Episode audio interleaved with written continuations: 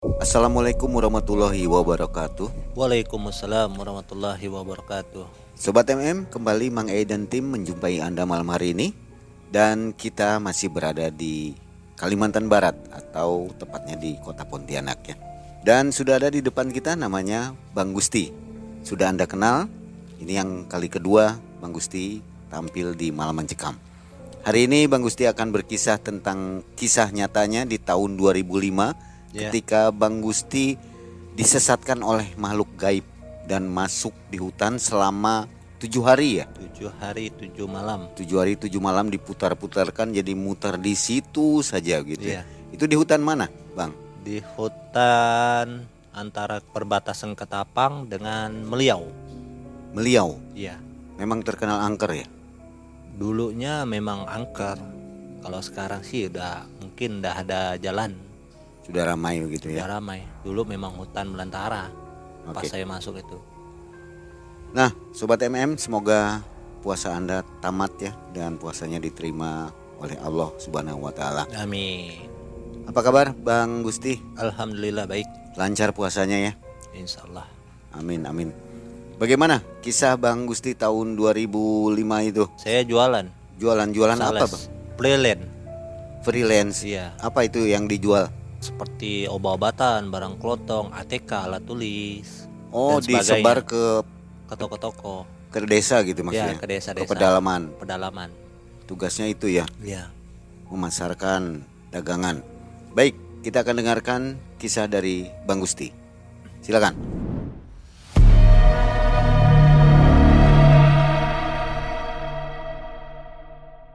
jadi pada awal tahun 2005 itu saya masih berdagang, berdagang dengan saudara saya. Waktu itu kita dari sini sudah banyak fenomena aneh. Dari sini kita berangkat, jalan rutenya itu di Trans Kalimantan. Trans Kalimantan itu masih dalam tahap pembangunan, masih hancur, masih pengerasan. Kalau ada bencana itu banjir, nggak bisa dilewatin. Dan Sungai Bawang itu pun termasuk angker juga, rawan. Di jalan itu ada namanya Bukit Benua. Di bawah kaki Bukit Benua itu ada sebuah warung kopi. Belum menyampai tujuan tuh, jadi kita berangkat di situ pasti singgah di warung kopi itu. Singgah di warung kopi itu sama saudara saya ya pasti kita ngopi kan. Terus saya cerita dengan abang saya sambil ngopi ngopi cerita-cerita selesai cerita kita berangkat masuk sekitar jam 8 malam itu lalu kita berangkat naik ke Bukit Benua. Nah sampai di Bukit Benua itu belum naik ke atas itu udah banyak yang melintas. Melintas. Kok pandangan saya kok banyak seperti makhluk-makhluk yang aneh gitu kan? Saya tanya abang saya hati-hati hati-hati di depan ada orang nyebrang. Mana ada orang nyebrang? ya kan. Klakson ya saya bilang eh dia klakson sama dia. Gitu kita klakson mereka pada minggir. Di situ saya ngerti bahwa tempat-tempat yang angker itu kalau kita klakson me- mereka menghargai kita. Kalau kita menghargai mereka mereka pun juga menghargai kita. Jadi begitu saya jumpa dengan mereka saya ucapkan assalamualaikum datuk nenek yang ada di sini. Saya numpang lewat. Setelah saya berjalan sampai di bukit tuh motor tuh nggak mampu nanjak. Kayak ada yang naik di atas tuh nggak mampu. Pas sampai di atas itu nggak mampu akhirnya dibantu sama saudara saya tuh yang udah duluan. Turun dia dari atas. Turun naik bantu dorong. Gitu sampai di atas kita istirahat sebentar. Kayak ada sesuatu yang aneh saya bilang kan. Kenapa? Sekali saya coba lihat di bawah. Wih saya bilang ini sih seperti kampung gaib. Saya lihat gitu kan apa saya saya salah melihat atau hanya ilusi jadi itu saya- malam, Bang. malam. Posisinya malam. Jam 8 malam. Berangkat. Jadi saya tanya saudara saya kan? Melihat enggak apa itu yang di bawah? Enggak jadi saya melihat di situ kotanya itu sebelahnya itu orang-orang yang menggunakan sorban. Tapi sebelahnya lagi itu agak jauh dari situ kok bang saya aneh-aneh. Nah di situ saya muda, udah mulai curiga ada sesuatu yang tidak beres gitu kan. Akhirnya kita memutuskan untuk berjalan. Begitu kita berjalan sampailah di Tayan. Kita cari penginapan di tepi air. Tepi air tepi air itu ada rumah makannya ada penginapannya. Begitu nginap di Tayan berjumpa dengan teman-teman. Akhirnya kita ngobrol-ngobrol dan bercanda-canda di situ kan tapi apa sambil ngopian bercerita-cerita kan? Ya udah kita mutusin udah malam. Udah malam akhirnya kita istirahat. Begitu saya istirahat naik ke atas kamar saya kan posisinya di atas tuh kang. Ya, kita naik ke atas. Lah kok ada sosok tinggi besar? Dari mana datangnya? Saya bilang kan begitu saya ngucapin salam kepada dia dia nunduk. Nunduk gini kan saya bilang dengan dia kan Datuk saya ke sini bukan untuk maksud untuk mengacau atau mengganggu dan sebagainya tapi saya di sini hanya numpang istirahat. Tidak bermaksud untuk mengganggu. Jadi ada teman saya ini sedikit takabur bahasa kitanya di sini kan bahasa takaburnya bisa dibilang sombong, nggak percaya yang gitu-gituan. Eh nggak tahu kawan saya tuh di samping tidur teriak-teriak. Ada apa gitu kan? Akhirnya kita terbangun semua. Terbangun kita melihat sadarin. Ada apa? Saya mimpi, mimpi ketemu sosok besar tinggi. Berbulu nggak? Enggak, katanya cuma besar tinggi. Terus dia bilang dia marah. Kenapa dia marah? Karena saya tidak percaya yang gitu-gitu. Akhirnya dia datang nunjukin dirinya. Itulah kamu, saya bilang kan. Kamu diapain? Dicekik sama dia.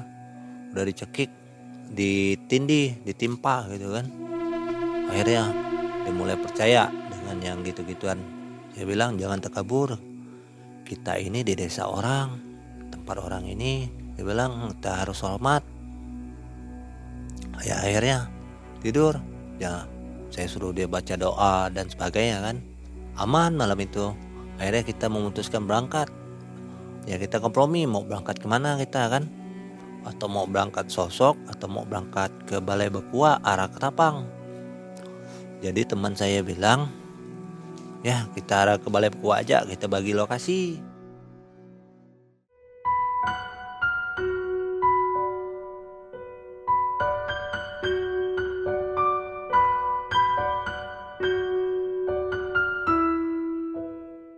Jualan kami sama-sama kan. Jumpa toko warung kita singgah, jumpa toko warung kita singgah. Akhirnya dapat satu simpang. Dapat satu simpang itu nama simpangnya Traju. Simpang itu kecil. Terus saya pas disinggah di simpang itu berjumpa dengan kakek-kakek membawa kayu. Membawa kayu seperti dari kebun. Terus saya tanya dari mana kek? Dari kebun hmm, mana cuk mau jualan kek? Mau ke mana? Mau ke balai bukua jualannya? Oh coba masuk di sana cuk. Banyak kampung banyak toko di dalam. Siapa tahu dagangannya laris. Nah kita diimbingin kayak gitu kan senang dengar banyak toko banyak kampung. Akhirnya kita memutuskan di situ kan kompromi memutuskan ke mana arah tujuan kita ini kan? Teman ada satu yang semangat. Ayolah kita coba merintis merintis masuk ke dalam sana akhirnya kita semua memutuskan lima buah motor masuk ke dalam kampung tersebut. Awalnya memang ada kampung, kita masuk kan. Ini ada harapan kan, jalannya bagus. Makin ke ujung jalannya makin kecil, kayak menuju kebun kan. Banyak pohon-pohonan, pohon getah dan sebagainya kan di situ kan. Pohon yang rindang-rindang besar-besar dan perjalanan itu sangat gelap. Karena apa? Karena pohonnya besar-besar, jadi cahaya itu nggak masuk. Di situ. Jadi amblas dan sebagainya kita pada capek kan. Udah jam 4 sore masih belum keluar dari jalan tersebut. Pas di perjalanan itu ada satu pohon pohon bambu. Yang dua motor udah di depan tiga masih di belakang. Saya yang paling belakang saudara saya dua depan saya ada lagi teman saya yang ketiga. Nah yang ketiga ini pada melihat di pohon itu ada apa kok merah-merah itu kan? Kirain cuma cahaya. Makin dekat dilihat cahaya itu makin membesar. Di dekat makin membesar. Akhirnya saya penasaran kan? Apa sih barang itu? Jadi saya standarin motor sekali saya lihat astagfirullah saya bilang rupanya jin mata jin yang saya lihat itu. Matanya sangat merah bersinar badannya besar. Cuman matanya merah itu pada awalnya di bawah, gitu makin besar, makin besar, makin besar, makin naik. Jadi saya bilang dengan saudara saya ini perjalanan kita ini awalnya udah nggak bagus sampai jam 5 sore belum keluar-keluar dari jalan tersebut. Akhirnya mau masuk maghrib. Karena saya melihat di atas itu kan udah mulai gelap. Oh ini udah mau masuk maghrib, belum jumpa kampung. Semua pada khawatir kan. Pada lapar kan. Belum jumpa perkampungan. Perbekalan itu cuma indomie. Akhirnya keluar. Dapat nemu jalan. Jalan tanah. Dan di depan kita itu perpohonan sawit. Masih ingat saya waktu itu. Tapi kita nggak tahu nih arahnya mau ke mana. Nah, nama juga jalan sawit kan bloknya sama. Ke mana ini tujuan kita nih? Nggak ada kepastian. Orang nggak ada kampung nggak ada kan? Jadi ada teman saya yang satu tuh gini aja kita cari bukit kita lihat dari bukit apakah ada cahaya. Kalau ada cahaya kita pergi akhirnya kita memutuskan cari bukit dapatlah satu bukit pas di atas bukit gitu kita melihat kanan kiri kanan kiri kan dapatlah satu cahaya di depan nah akhirnya akhirnya kita memutuskan untuk mencari cahaya tersebut. Cahaya lampu gitu kan. Bukannya mendapatkan cahaya tersebut, malah mutar. Balik lagi ke situ, kita jalan. Balik lagi ke tempat tadi. Berjalan lagi, balik lagi ke tempat tadi. Sampai jam 10 malam. Di situ terus mutarnya. Akhirnya kita pada kecapean, minyak pun udah sekarat. Nah, kita pun ada bekal minyak kan. Satu satu motor tuh tetap kayak 5 liter kan. Jadi teman-teman tuh pada stok semua. Ya udahlah kalau kayak gini ngambil keputusan gimana? Kita kan ada bawa tarpal kita bermalam aja di sini saya pikir kan apa ndak khawatir? Apa ndak takut bermalam di sini? Mau gimana lagi? Kita ndak tahu jalan pulang. Ndak tahu jalan ke depan. Akhirnya memutuskan. Memutuskan bermalam di munggu itu tersebut. Karena perjalanan kita pulang ke situ pulang ke situ pulang ke situ. Nggak ada tujuannya pasti. Jadi saya pikir kan bermalam di situ. Kok ada suara anjing? Kan? Setahu saya kalau ada suara anjing pasti ada kampung terdekat di situ kan akhirnya saya mengambil inisiatif untuk melihat sekitar rupanya anjing anjing mengonggong gitu pas saya keluar saya melihat sosok sosok sangat mengerikan. Jadi saya melihat dia itu sembunyi di balik pohon. Saya melihat dia, ini ya berdarah nih, berdarah matanya, matanya berdarah, hidungnya berdarah, bi dari mulutnya sini berdarah, telinga yang berdarah, tapi membawa selendang. Makhluk apa nih? Setelah itu dia menampak makin dekat, makin dekat, makin dekat. Dia mulai merasa takut kan ingat udah ndak tentu arah teman-teman udah pada tidur akhirnya saya mundur pelan-pelan mundur pelan-pelan gitu saya mundur gitu dia mau menghampiri saya jadi saya membacakan ayat itu dia langsung hilang nah gitu dia langsung hilang saya pun memutuskan untuk pulang untuk pulang akhirnya kita balik ke tenda yang kita pasang sampai satu malam itu saya tidak bisa tidur jam 2 malam saya merasa bimbang, merasa bingung kan. Udah malam gini di tengah hutan. Ini malam pertama ya berarti? Malam pertama. Di tengah hutan saya bilang kan. Udah tidak ada arah tujuan, sesat. Akhirnya saya coba berdoa. Cuma minta petunjuk dengan Allah kan. Ya Allah kalau perjalanan ini saya bilang membawa ridho bagi engkau tunjukilah kami jalan menuju perkampungan besoknya.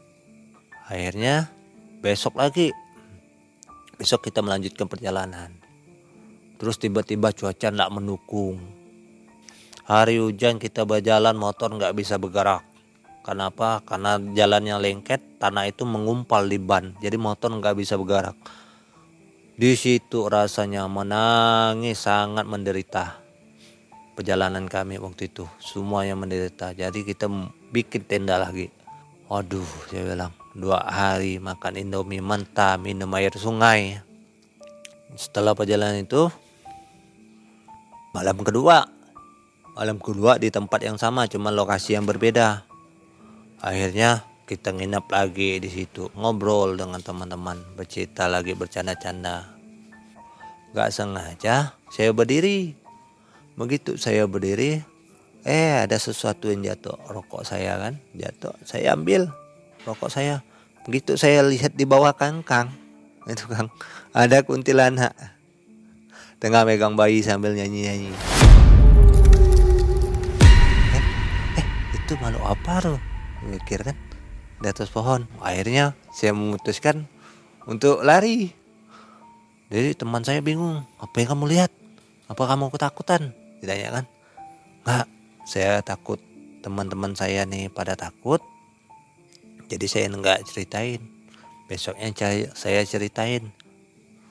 Saya bilang saya melihat sesosok cewek. Bajunya putih ngendong anak.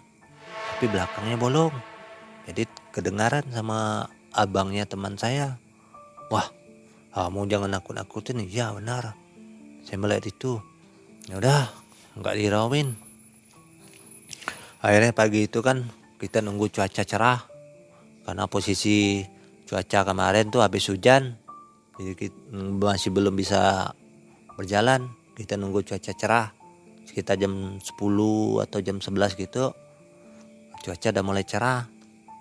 Berjalan kita jalan berjalan gitu kan. Kan siang tuh siang sekitar jam sebelasan.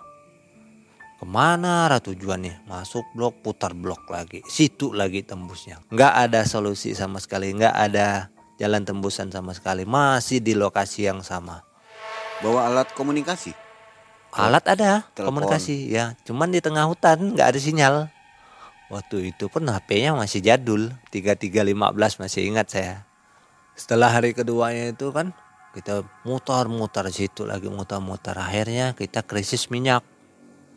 Bingung. Akhirnya kita bingung. Mau ke mana? Manusia nggak ada jumpa. Kok kebun sawit nggak ada manusianya gitu kan. Wah akhirnya kita semua kebingungan. Kalau kayak gini sih. Bilang kita bisa mati nih di dalam hutan. Kita harus cari solusi akhirnya perbekalan kita mulai menipis air kita di mana jumpa sungai di situ kita minum nah akhirnya kita cari sungai dapatlah satu sungai ada jembatan di situ tapi jembatannya jembatan dari balok besar ngambil air di situ teman saya ngambil air tuh nggak salam nggak permisi dulu begitu dia ngambil Ih, nggak taunya di samping ada sesosok. Gitu dia melihat langsung lari Kang. Apa yang kamu lihat? Aku melihat perempuan. Ya. Perempuan macam mana? Rambutnya panjang, tapi nggak ada muka, polos. Saya pun langsung merinding kan. Akhirnya kita balik. Kita balik, nggak jadi kita ngambil air. Akhirnya ditanya teman-teman, mana airnya yang kamu ambil? masih bawah. Apa diambil? Dia melihat sesosok yang aneh. Akhirnya dia takut lari. Akhirnya ada salah seorang teman tuh merasa kehausan. Dia turun ke bawah mengambil air tersebut. Jadi dia ndak tahu rute tempat sungai itu tadi. Saya temanin. Saya temanin ke bawah begitu sampai di bawah kejadiannya berbeda. Bukan lagi barang itu yang dilihat. Yang dilihat tinggi besar berbulu. Waduh sangat seram sekali itu. Tapi itu adanya di pohon pohon besar. Dia pun langsung lari. Nggak jadi ngambil air tersebut. Dan saya pun langsung lari. Waduh saya bilang kalau kayak gini bisa mati kita nih dalam hutan akhirnya nggak ada solusi lain kita istirahat dulu. Istirahat sampai tengah malam tuh kita diganggu dengan suara-suara yang aneh itu. Tapi kita nggak irau ya kan? Nggak irau. Kayaknya ada sesuatu yang beda nih. Ini nggak beres nih. Yang disampaikan orang tua yang disimpang itu nggak beres nih saya bilang. Saya mulai curiga dengan orang tua tersebut tuh. Jadi saya kompromi lah dengan teman-teman. Ngobrol-ngobrol. Saya bilang kita berdoa kita mengadakan satu muhasabah kita minta kepada Allah untuk diberikan petunjuk dituntun ke tempat yang betul jalannya. Saya bilang kita mau balik nggak tahu jalan lagi kita nggak tahu arah tujuan. Saya bilang akhirnya kita berdoa membaca ayatul kursi sampai 41 kali. Minta dibukakan rahmat Allah minta ditunjukkan jalan. Bacalah ayat kursi kan. Setelah besoknya itu akhirnya kita menemukan kampung. Saya masih ingat nama kampungnya itu. Nama kampungnya itu Nek Cincin. Jadi sampai di situ. Sampai di situ kampungnya itu orang-orang Dayak semua. Orang-orang Dayak. Jadi akhirnya kita cari rumah kepala adat. Dan masyarakat warga-warganya pun pada baik semua. Melihat kami melihat kami tersesat selama tiga hari tiga malam di kebun sawit dia pun merasa iba. Disuguhkan makanan. Disuguhkan makanan kita makan dan ya, setelah makan kita tidur. Ya setelah kita tidur besoknya kita lanjut lagi permisi berjalan. Jadi kita bertanya pak ini kalau kita berjalan keluarnya ke mana? Keluarnya ke Meliau. Tapi sebelum Meliau itu ada sungai Kapuas. Nanti kalau kamu mau ke Meliau, itu banyak simpang. Banyak simpang kabun, nanti baru dapat motor air, baru kamu nyebrang. Katanya. Jadi kita berjalan, ikut, ikut petunjuk oleh beliau. Kita jalan. Dari kampung Nek Cincin, rupanya ada kampung lagi. Mau nyampaikan kampung yang satu ini tersesat masih satu malam. Nggak jumpa-jumpa lagi. Begitu lagi seperti di awal. Putar-putar, putar-putar di situ lagi. Satu malam lagi kita di situ. Nah, tapi kita punya bekalan. Karena kita udah bertemu sebuah kampung naik cincin. Dan mereka itu ada jual indomie juga. Ini makin tidak beres nih kalau kayak gini. Akhirnya itu udah malam keempat malam keempat kita nginap lagi di hutan pas kita nginap di hutan itu kita mendirikan tenda kan permisi dengan makhluk gaib sekitar permisi. Akhirnya saya sakit perut memutuskan untuk mencari sungai. Memutuskan cari sungai. Sungai nggak dapat akhirnya ke hutan. Setelah beres kayak ada sesuatu yang melintas gitu kan. Tapi makhluknya nggak ada. Cuma pohon-pohon itu pada bergoyang. Di situ saya udah mulai curiga kan barang apa angin nggak ada apa nggak ada kok pohon pada bergoyang kan? Oh udahlah nggak saya terlalu respon. Begitu saya balik arah uh saya melihat ular melintas melingkari pohon-pohon besar. Itu ularnya sangat besar. Saya melihat di tengahnya itu memakai sebuah mahkota. Ada beberapa ungu di sini. Saya pun langsung pulang ke tenda. Pulang tenda dengan rasa takut. Sangat takut yang mendalam. Dengan kondisi yang lemah udah empat hari empat malam kan. Wah, jadi besoknya hari kelima lagi. Hari kelima kita berjalan. Berjalan mencari sungai Kapuas. Ke mana arah jalan nih. Akhirnya salah satu teman saya itu ada yang kesurupan Ternyata dia itu melanggar pantang, kencingnya sembarangan. Akhirnya diceritakan, dia kesurupan bercerita kan, kalian telah mengganggu tempatku. Kalian masuk sini, katanya tidak permisi. Anak ini telah mengganggu rumah saya. Dan dengan cara apa dia mengganggu? Saya bilang, dia membuang hajat sembarangan nggak permisi saya marah kalian di sini udah masuk nggak permisi. Bilang tidak mengirim doa dan sebagainya. Terus teman saya bilang kan ini gimana solusinya nih? Kasihan teman kita yang kesurupan. Saya pun nggak tahu. Coba-coba sajalah kan? Akhirnya saya baca tiga kul al ikhlas tiga kali al falak tiga kali anas tiga kali langsung sadar. Sadar kita tanya kamu tadi melakukan apa? Aku ndak ada melakukan apa-apa. Aku cuma kencing. Kamu kencing tidak permisi ya? Tidak tidak permisi. Aku asal kecil karena udah sakit benar. Jadi aku kencing tadi kau kesurupan. Itulah kata aku pun lupa. Akhirnya dia ramal. Ramal dah. Selesai malam itu kan? Aman. Hari kelima kita melanjutkan perjalanan lagi menuju mencari sebuah kampung. Akhirnya kita jam 3 sore menemukan satu buah kampung. Betapa bahagianya rasa hati dan teman-teman kan? Menemukan sebuah kampung tapi kampungnya nggak banyak. Kampungnya bukan nggak banyak gimana? Rumahnya itu rumah camp camp tempat karyawan-karyawan kerja. Jadi nggak ada toko di situ kan? Kita mau beli persediaan nggak ada yang jual. Akhirnya kita nanya nama camp itu camp campnya Meranggau saya nih mau jualan tapi mencari kampung jadi tujuan saya ini mau ke Meliau. Oh, kalau abang mau Meliau masih jauh. Abang harus jumpa ke Sungai Kapuas dulu. Sungai Kapuas, dia, nanti abang jumpa sebuah motor air tempat penyeberangan. Udah tempat penyeberangan itu, abang sampai di depan itu pun masih sawit, masih kebun sawit, belum sampai Meliau. Akhirnya kita memutuskan untuk berangkat lagi. Mencari jalan terus hari kelimanya itu. Hari kelima itu masih belum jumpa.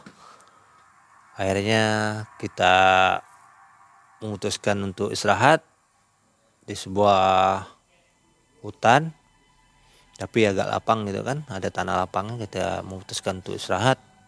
Setelah kita mendirikan tenda kita ngobrol-ngobrol. Eh nggak tahu saya melihat ada sesuatu yang aneh. Aneh itu unik. Kayak seperti kota gaib kampung gaib tapi penghuninya muslim semua gitu kan. Tapi saya nggak cerita pada teman-teman. Akhirnya saya coba komunikasi dengan orang yang saya jumpa itu tadi kan. Bercerita saya kan. Assalamualaikum datuk.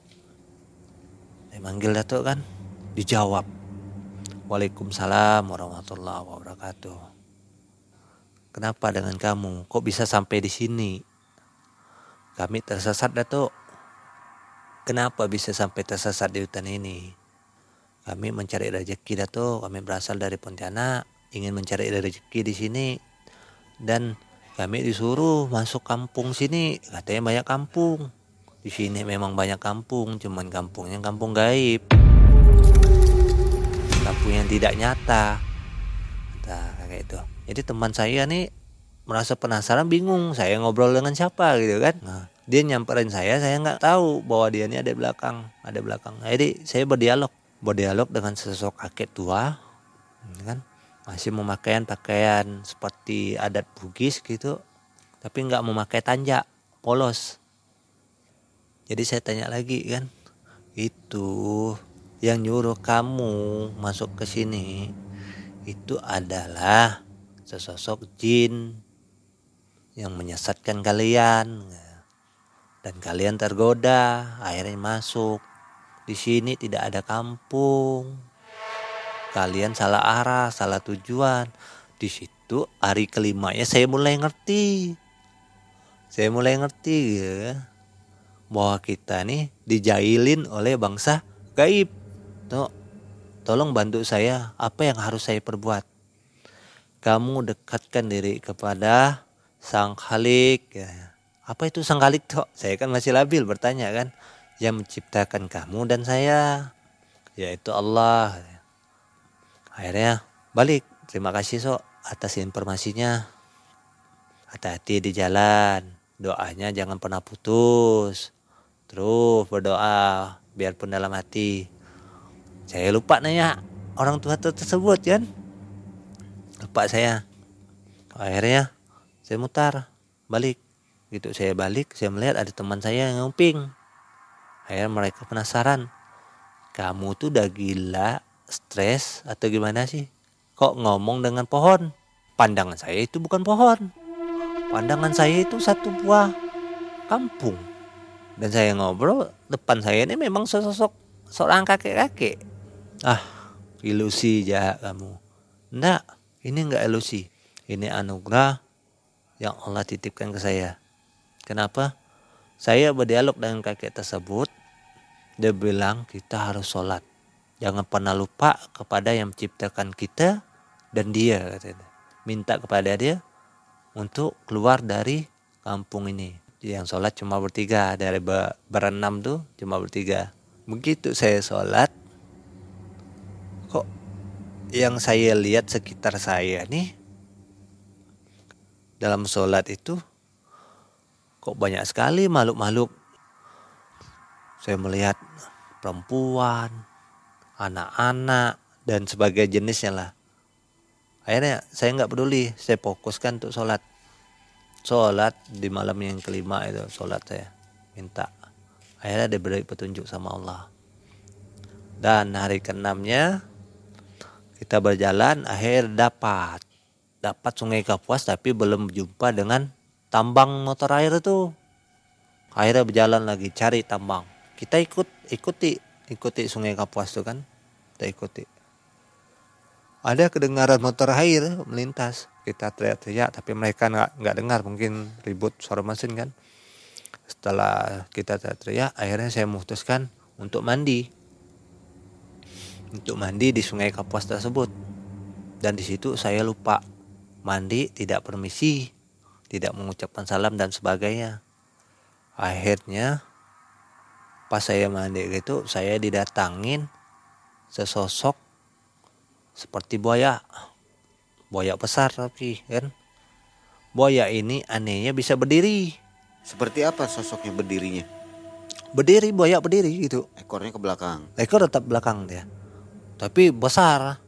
Besar ini tangannya ada empat di sini double. Sini double. Teman-teman lihat semua? Nggak.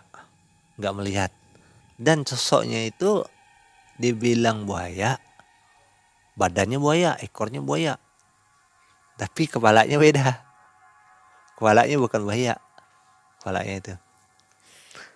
Apa pa kepalanya? kepalanya itu seperti kerbau gitu ada tanduk karena merasa takut akhirnya saya ngucapin salam saya ngucapin salam dijawab salam saya sama beliau saya diutus oleh kakek yang kamu jumpai di tempat kemarin untuk menuntun kalian kembali supaya kalian tidak tersesat ya. Jadi saya tanya, Dato ini dari mana asalnya? Saya asalnya dari Meliau.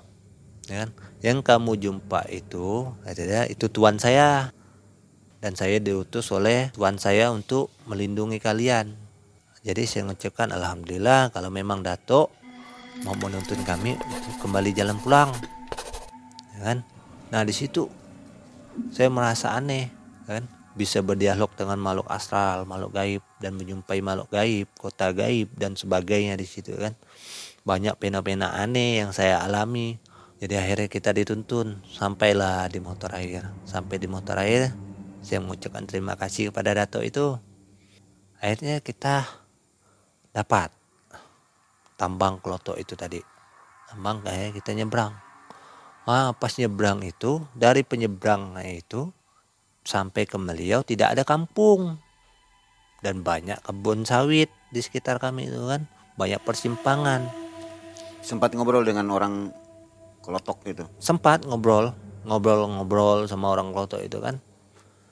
Dia melihat kondisi kami itu udah lemah tersesat di dalam hutan kasihan. Mau ngantar tapi dia cari rezeki akhirnya dia mau ngantar kami tapi nggak bisa. Karena kami ada lima buah motor.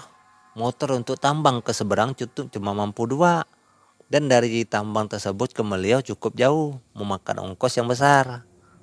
Jadi kami memutuskan kompromi dengan kawan-kawan lewat darat aja. Pas hari ketujuhnya hari ketujuhnya kita memutuskan untuk cari jalan tembus ke Meliau. Eh nggak taunya bukan tembus malah nyesat di seberang lagi.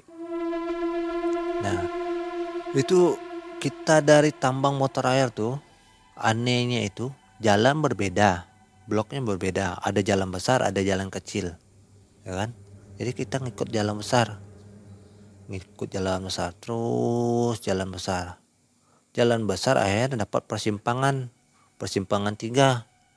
Persimpangan tiga ini kanan sama bendodelnya kiri sama modelnya. Cuman tidak tahu mana simpangnya kanan atau kiri. Akhirnya kita memutuskan ke kiri. Memutuskan ke kiri ke kiri berjalan terus lagi berjalan. Eh akhirnya ketemu di dermaga penyeberangan itu tadi.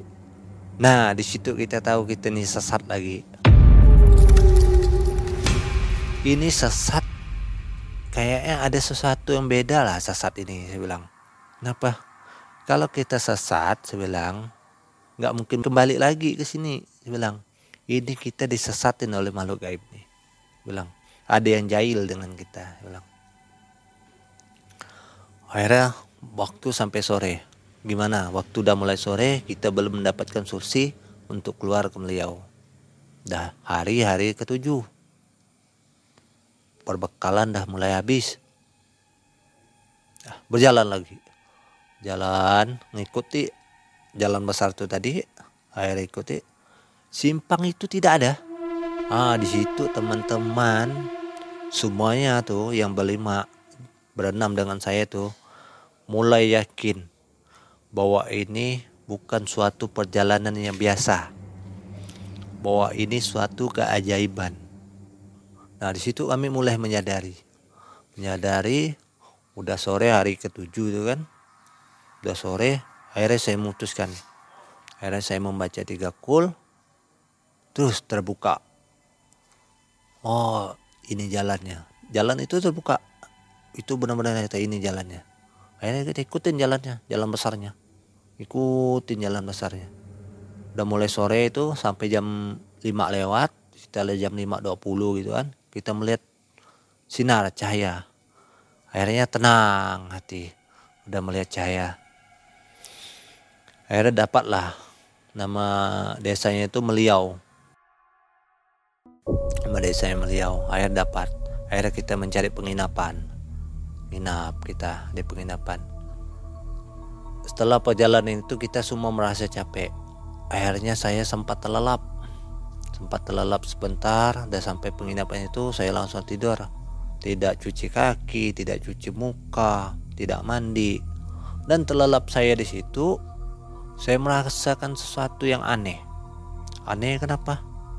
Begitu saya terlelap saya jumpa dengan kakek yang saya jumpa sebelumnya ya yang awal tuh saya jumpa dengan kakek itu. Terus buaya itu yang bertanduk seperti kerbau nuntun saya. Terus dia nyampein sesuatu. Suatu hari kamu pasti akan kembali ke sini. Karena apa? Mungkin saat ini kamu merasa jarak dengan kejadian yang pernah ada. Itulah ujian untuk kamu. Ah, kenapa saya diuji suatu hari ya kamu akan mengerti kamu akan tahu. Akhirnya kita hari ke-8 tujuh malam dah tersesat di hutan sawit. Teman-teman nih karena udah di beliau kita itu udah tahu jalan udah tahu arah. Akhirnya teman ada mau arah ke Sanggau Kapuas melewati Sipang Sosok. Ada yang mau arah ke Piasa tembusnya ke Tayan kembali lagi ke Tayan apa jalan tuh cuma mutar Tayan Simpang Teraju terus masuk mutar nyebrang meliau ke Tayan lagi. Diceritain oleh orang Tayan. Jadi akhirnya teman yang dua ini dua buah motor ini dengan saudaranya memutuskan untuk kembali ke Sanggau Kepas dan saya dengan saudara saya memutuskan untuk kembali ke Tayan. Nah yang satu uh, teman saya dengan istrinya untuk memutuskan kembali ke Pontianak. Di situ karena mengeluh dengan kejadian yang kami alami kan? Jadi saya dengan saudara saya itu pantang menyerah. Ya, berjualan tujuh hari tujuh malam tidak ada hasilnya. Kami pantang menyerah akhirnya kami memutuskan untuk nginap ke Tayan. Nginap ke tempat asal lagi. Akhirnya saya berdua dengan abang saya ini. Saya bilang hati-hati kalau tidur di sini bilang kan tuh di depan ada yang jahil. Ah kalau ngomong saya banyak meramput ya kan? Banyak meramput di sini banyak bohongnya. Enggak saya bukan bohong. Itu yang jahil bukan sesosok jin bukan sesosok apa cuman palanya botak. Gitu kan? Saya ngerti itu tuyul. Saya ngerti itu tuyul. Akhirnya dia nyimpan tas dan helm di atas lemari. Di tengah-tengah posisi lemari ini ini saya ini dia tidurlah kami ini sama-sama jadi dia tuh merasa mimpi dengan nyata. Begitu dia sadar dari tidurnya, dia melihat tas dan helm itu tadi bukannya tas dengan helm, tapi sesosok anak kecil yang sedang jongkok. Jongkok ya begini, kan? Nawain dia. Itu dia merasa takut dari tempat tidur dia, langsung melompat ke tempat tidur saya. Oh di situ langsung kita ribut kan? Kita ribut Kenapa? Saya bilang. Abang melihat tuyul. Nah, tadi kan tidak percaya. Saya bilang. Jahil kenapa kalau orang yang tidak percaya ya gitu-gitu. Saya bilang. Dijailin sama dia. Akhirnya kan kena sendiri. Saya bilang. Aduh. Palanya botak. Dia ngeluarin lidahnya panjang. Baru tahu saya bilang. Jadi udahlah tidur. Akhirnya kami tidur sama-sama. Tidur sama-sama. Saya merasa terusik dia tidur dengan saya. Akhirnya terlelap tidur. Saya merasa gerah memutuskan ke pantai. Saya melihat sekeliling gitu kan. Biasa-biasa aja biasa-biasa aja kan. Begitu saya membakar rokok sebatang saya mulai membaca istighfar dan selawat. Nah begitu saya mulai istighfar dan selawat ada sesuatu yang muncul di dalam air. Gitu air tuh begini putar putar putar putar kan? Saya pikir ini bawaan alam kan? Air tuh udahlah. Ndak ndak terlalu saya respon kan? Eh nggak tahu putar-putar air itu muncul buaya itu tadi. Muncul buaya itu yang bertanduk akhirnya mengucapkan salam assalamualaikum eh dato Waalaikumsalam Datuk. Ada apa Datuk datang ke sini? Saya mau mengucapkan hati-hati di perjalanan. Suatu saat kamu akan jumpa dengan saya. Kan? Kenapa pula Datuk? Nanti kamu akan tahu siapa kamu dan siapa saya. Apa pula tuh begitu? Saya bilang. Saya nggak mau ambil pusing. Ya udah, Datuk itu akhirnya pamit, pamit air air yang tadi apa mutar-mutar gitu kan hilang. Setelah hilang banyak buaya datang. Kuning putih buaya buntung banyak sekali buaya datang. Ih saya pikir kan ini cuma ilusi apa kebenaran? Semua buaya mengucapkan salam. Nah di situ saya tahu ini buaya bukan buaya biasa. Kan kok buaya pada bisa ngomong kami bukan buaya biasa kami penunggu di Sungai Tayan. Tempat kami di depan keraton. Kami diperintahkan oleh raja untuk memanggil kamu singgah di keraton. Kenapa saya harus singgah di keraton? Saya bilang kan untuk memberi penghormatan katanya. Sebagai hubungan kamu dan keraton. Keraton di mana? Saya tanya kan. Keraton ada di Simpang 3 ya, dan kehadiran kamu sudah ditunggu. Akhirnya saya jalan keraton saya singgah di keraton tuh. Di tiang pintu gerbang keraton tuh saya melihat dua buah sosok. Dua buah sosok tinggi besar. Nah di situ sosok itu gitu saya masuk kan? Gitu saya masuk dia memberi hormat begini memberi hormat begini dan mengucapkan salam assalamualaikum pangeran Kok saya dipanggil pangeran? Kehadiran pangeran sudah ditunggu. Akhirnya disuruh masuk, masuk arah keraton. kelihatan saya dari keraton nih biasa-biasa aja. Kok ini mewah benar? Gitu saya masuk kan. Kok ini mewah benar kan? Apa saya lihat di belakang lo ada sesuatu istana gaib? Nah udahlah saya pikir tak saya herankan jadi saya jalan ke situ. Cuman keraton keraton itu tidak ada penghuni. Itu keratonnya masih ada ya? masih sekarang. Nyatanya masih ada. nyatanya masih ada cuman udah nggak terurus. Di daerah Kalau- mana itu? daerah Tayan. Tayan. Tayan daerah Tayan akhirnya setelah saya di keraton keraton itu disambut dengan baik. Seperti di alam nyata disambutnya ada dayangnya ada putrinya kan? Persis sekali dengan kerajaan. Dan disambut di situ saya disuruh jongkok. Disuruh jongkok dengan kaki satu. Akhirnya saya jongkok. Saya jongkok ada dayang membawakan sebuah ceper bahasa sini. Kok saya dibawain ini? Ya kan?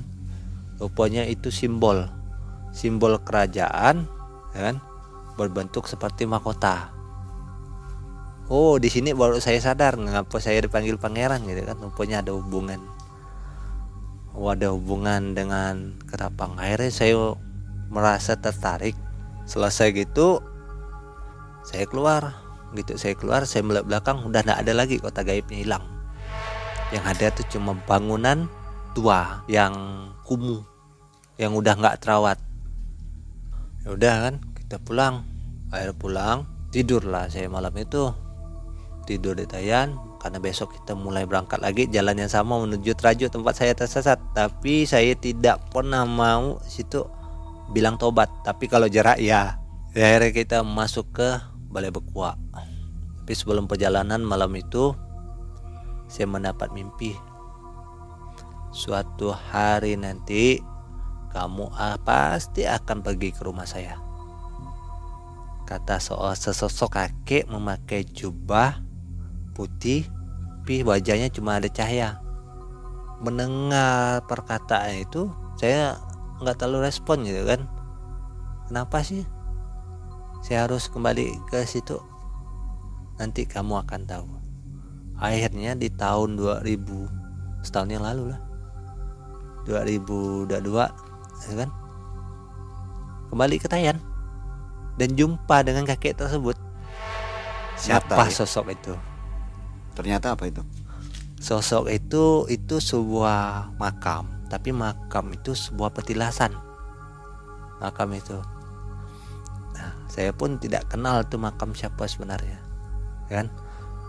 Dan saya berziarah situ saya mengucapkan salam saya pegang minsannya saya bacakan al-fatihah dan selawat sedekahkan saya surah al-ikhlas 41 kali.